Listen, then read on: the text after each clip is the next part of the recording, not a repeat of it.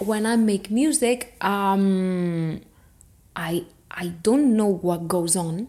I I see it as some sort of um, of little creature living in my head that has like a big library with all the references.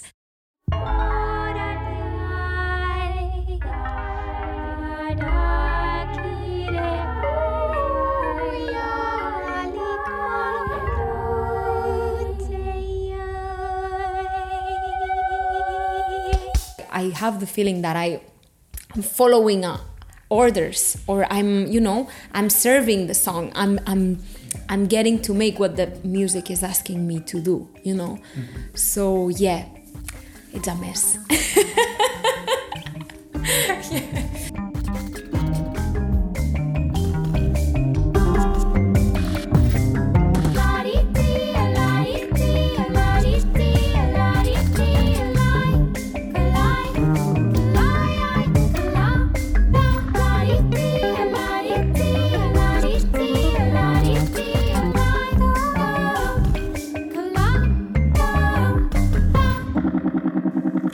Clandestino Podcast, episode 15.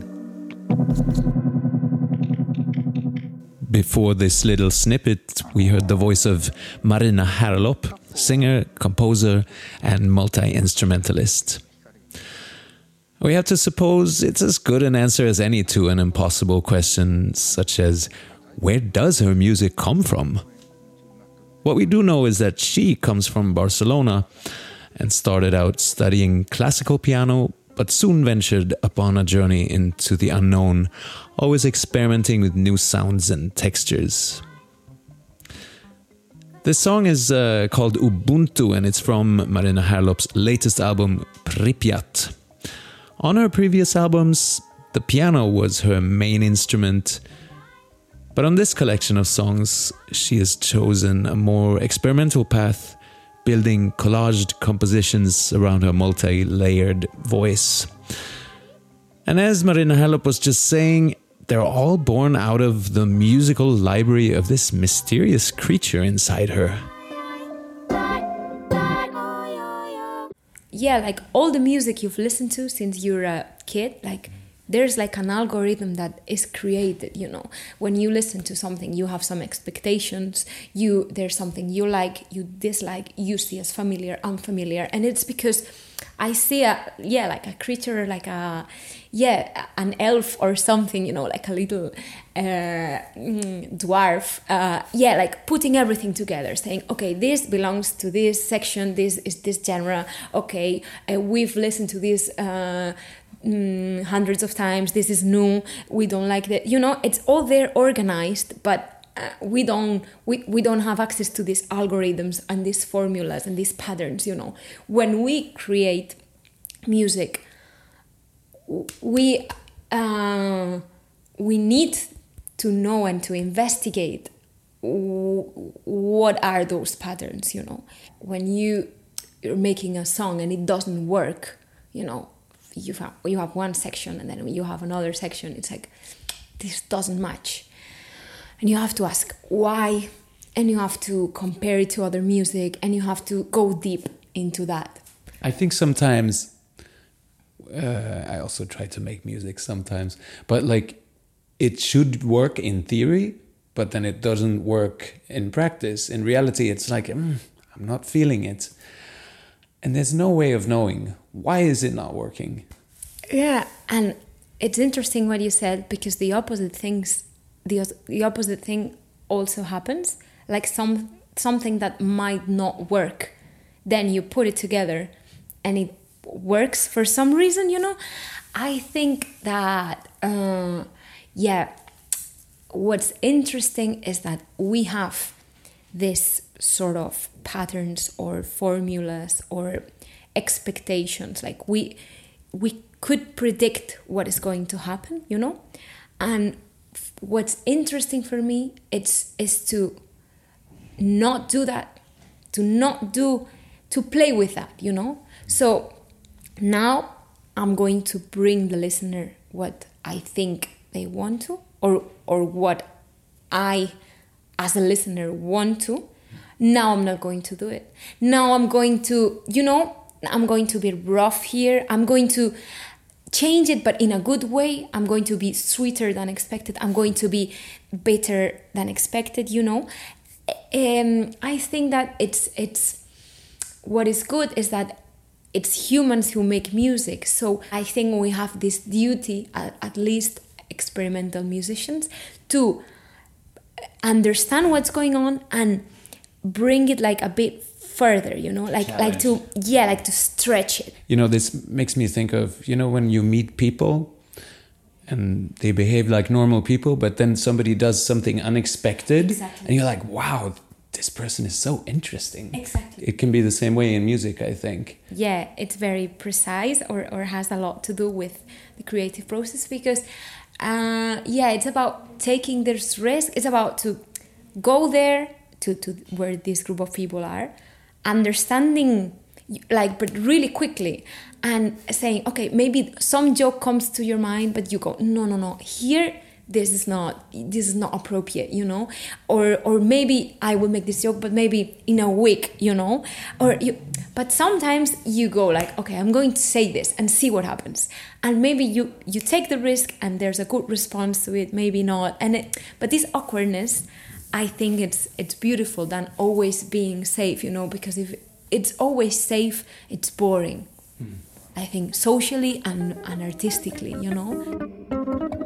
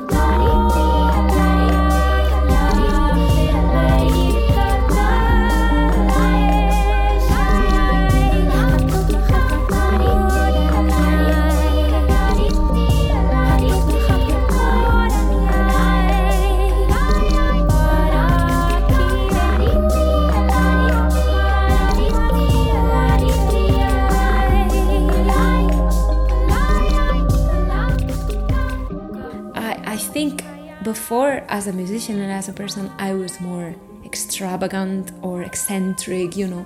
Now I don't feel this need because I think that you can also um, be, uh, yeah, like mm, still play with this predictability, unpredictability, but not in a such an obvious way, you know.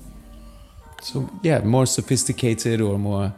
It's like a next level of um, of taking risks. and more and more slowly. You're moving like a snail. I, I wanted to ask you because you have a snail on the record cover of your new album. Let's let's move into the Yeah, the album Pripyat. Okay. Why is there a snail on the picture? Um, it, uh, because we had to choose a cover, a, a cover for the album, and I like that picture. It doesn't have such a deep meaning. Of course, if I think about it, I can see myself. I can I can relate to that figure because this process has been very slow, but still, I mean, when I look at that picture, I see some like solemnity or uh, confidence or you know like presence and i think this process of making the album and especially the process of putting it out has been very slow and very rough. But at at the end it was like mm, the state in which i as a musician and as a person who runs this project was feeling was very like calm you know like confident. So so yeah, I think that image is appropriate. Yeah. I suppose if you move as slow as a as a snail, it's better to think first which direction you want to take, as opposed to, for instance, a dog that runs back and forth and tries every corner of the room. Yeah.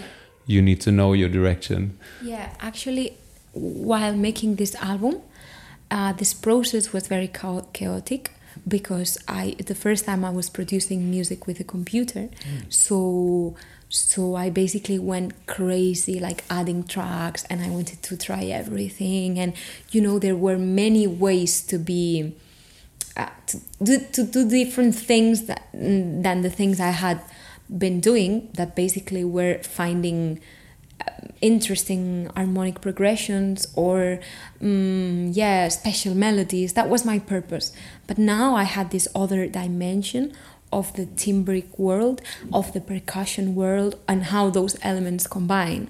So I went crazy and I had no idea what I wanted to do. So I had no previous idea. So the process of making the album was really, I mean, I'm, I'm glad it happened because the result is good. But when I think uh, of it, it was it was quite a struggle to to make this album. I I went a bit yeah, a bit crazy.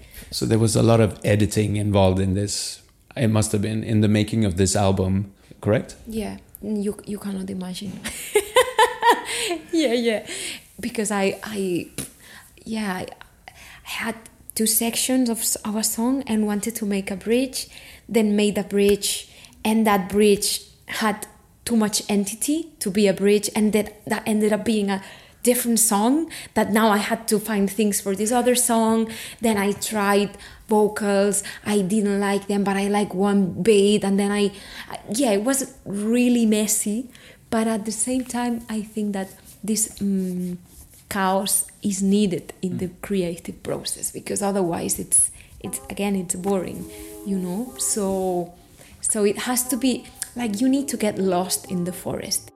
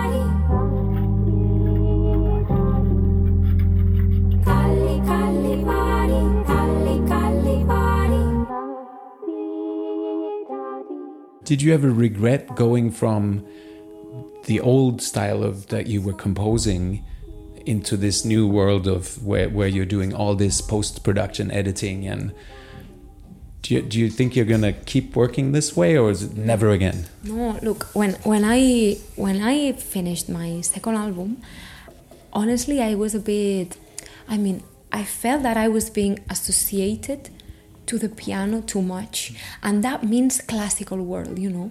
And i was like i have nothing against classic classical music like it's the best but i i didn't feel i was a classical interpreter or musician you know? I wanted to get rid of the piano. I was tired of the piano you know? But now i mean i feel bad because the i i mean i have such a close relation to this instrument. And after making this album i was like like for piano you know like i, I was like ashamed of it or of, or something. And now i it's like I, I made peace with it you know and i want to yeah I, I i mean it's a great tool for composition. Then you can choose if you keep its timbre or if you put like a synth or something but it it it's still my main tool when making music. And it's where you started so it makes sense that it's yeah. kind of a home turf for you. Yeah it is. Yeah because when as i've as i've played the piano mm, since i'm a kid and i've listened a lot to piano music when i listen to, to piano music i'm not really it's as if you as if, as if i could hear the music purely as it is with no texture at all. Like if, if I'm listening a, a melody played by a saxo, I like I hear it's a saxo who's saying it. When I hear it from a piano, it's as if I could read the text. You know what I mean? Not said by anyone. It's going purely to the music. Like, you know? I feel like the piano to me is kind of like the Times New Roman of fonts. Exactly. Very good. Yeah, yeah, yeah. Yeah, yeah, yeah. Totally. I always thought that piano, it's so difficult to express emotion, you know, because uh, you can't bend the notes. And, exactly. and when you play a string instrument, there's like so many ways that you can touch the string. Like if you hit it hard with a pick, or you know, just like very softly with your fingertips. And with the piano, it's like you put your hand down on the key, and then there's like a whole machine of exactly. wood and things, and finally it hits yeah. the string, and it's like very remote from you. Actually, the finger is already very remote from you like it's it's very far from yes. you know from your core of the body when mm. you sing literally like you're taking air and it, it i mean it's in your in, in the center of your body you know yeah. but the finger already feels like like you know like miles away. And then there's this hammer action mm. thing that has two hammers. And then it's a percussion instrument. Like it's pressing a, a, a um, you know a string. So yeah i understand your point. But what is beautiful about it is that you have to find the means to still express you know? Because there are i mean i can tell you there are ways you know. Of course. Yeah i mean the piano is a, is a percussion instrument but you can make it sound as it, as it's not as it's got you know? Of course it's dun, dun, dun, dun, dun, but the way you play it you can make it you can create this il- illusion that the notes follow each other mm. and they are or- horizontal you know? Like they are not but you can play with that. It's like a bit magic Thank you.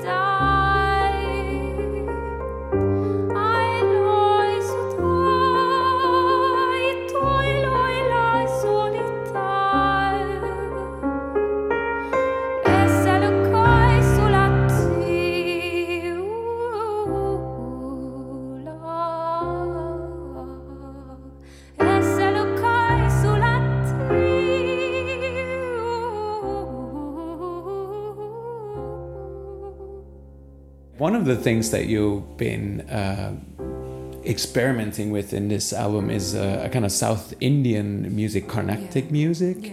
So tell me about this. Yeah, well, uh, when I was making these songs, I was uh, studying a course of Carnatic percussion, of Konnakol, Carnatic rhythms, in, in a music school of, of Barcelona.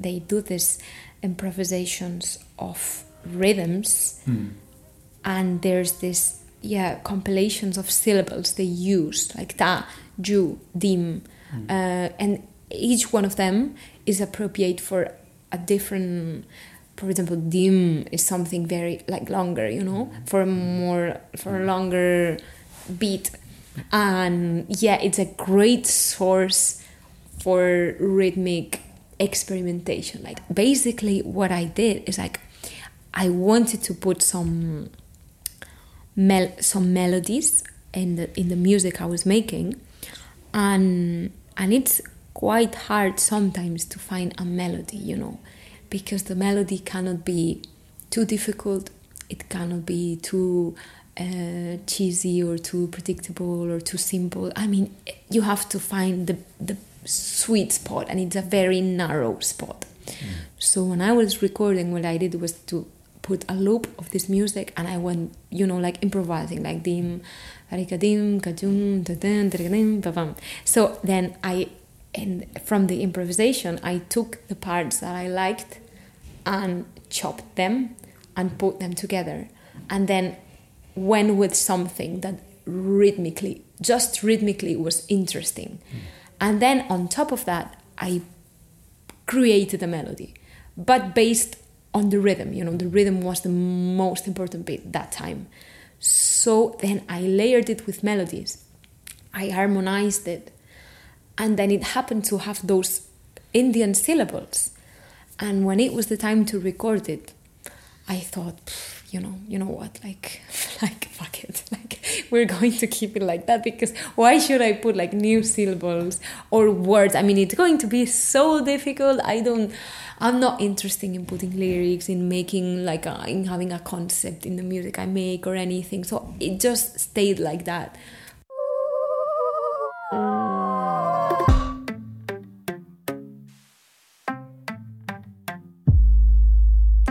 da tim gada dina ah da dim da dim da dim ah da kira dim gada takira takira dim ka dim ko da tim gada dina ah da dim da dim da dim ah da kira dim gada takira takira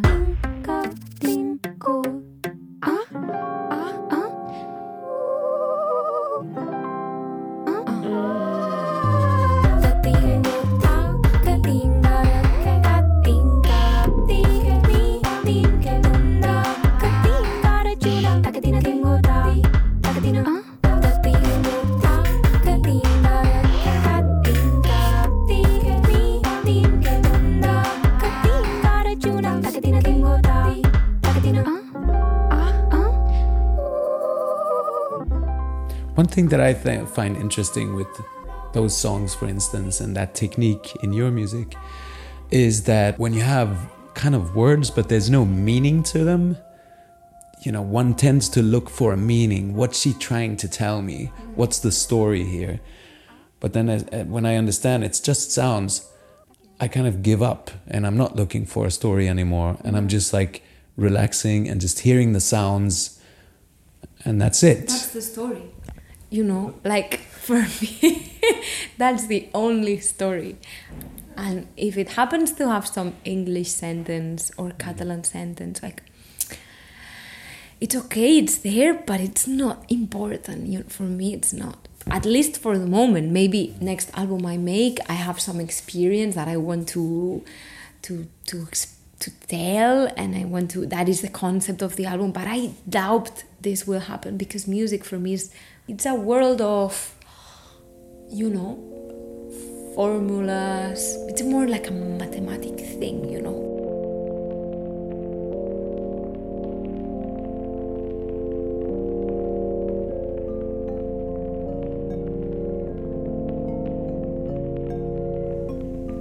Shaolin Mantis, song from Marina Herlop's album Pripyat. And this podcast was made by me, Markus Görsch, for Clandestino Festival, a non-profit organization based in Gothenburg, Sweden, supported by the Swedish Arts Council, the Västra Götaland Region Council, and the city of Gothenburg. Find out more about our festival and concert series at clandestinofestival.org.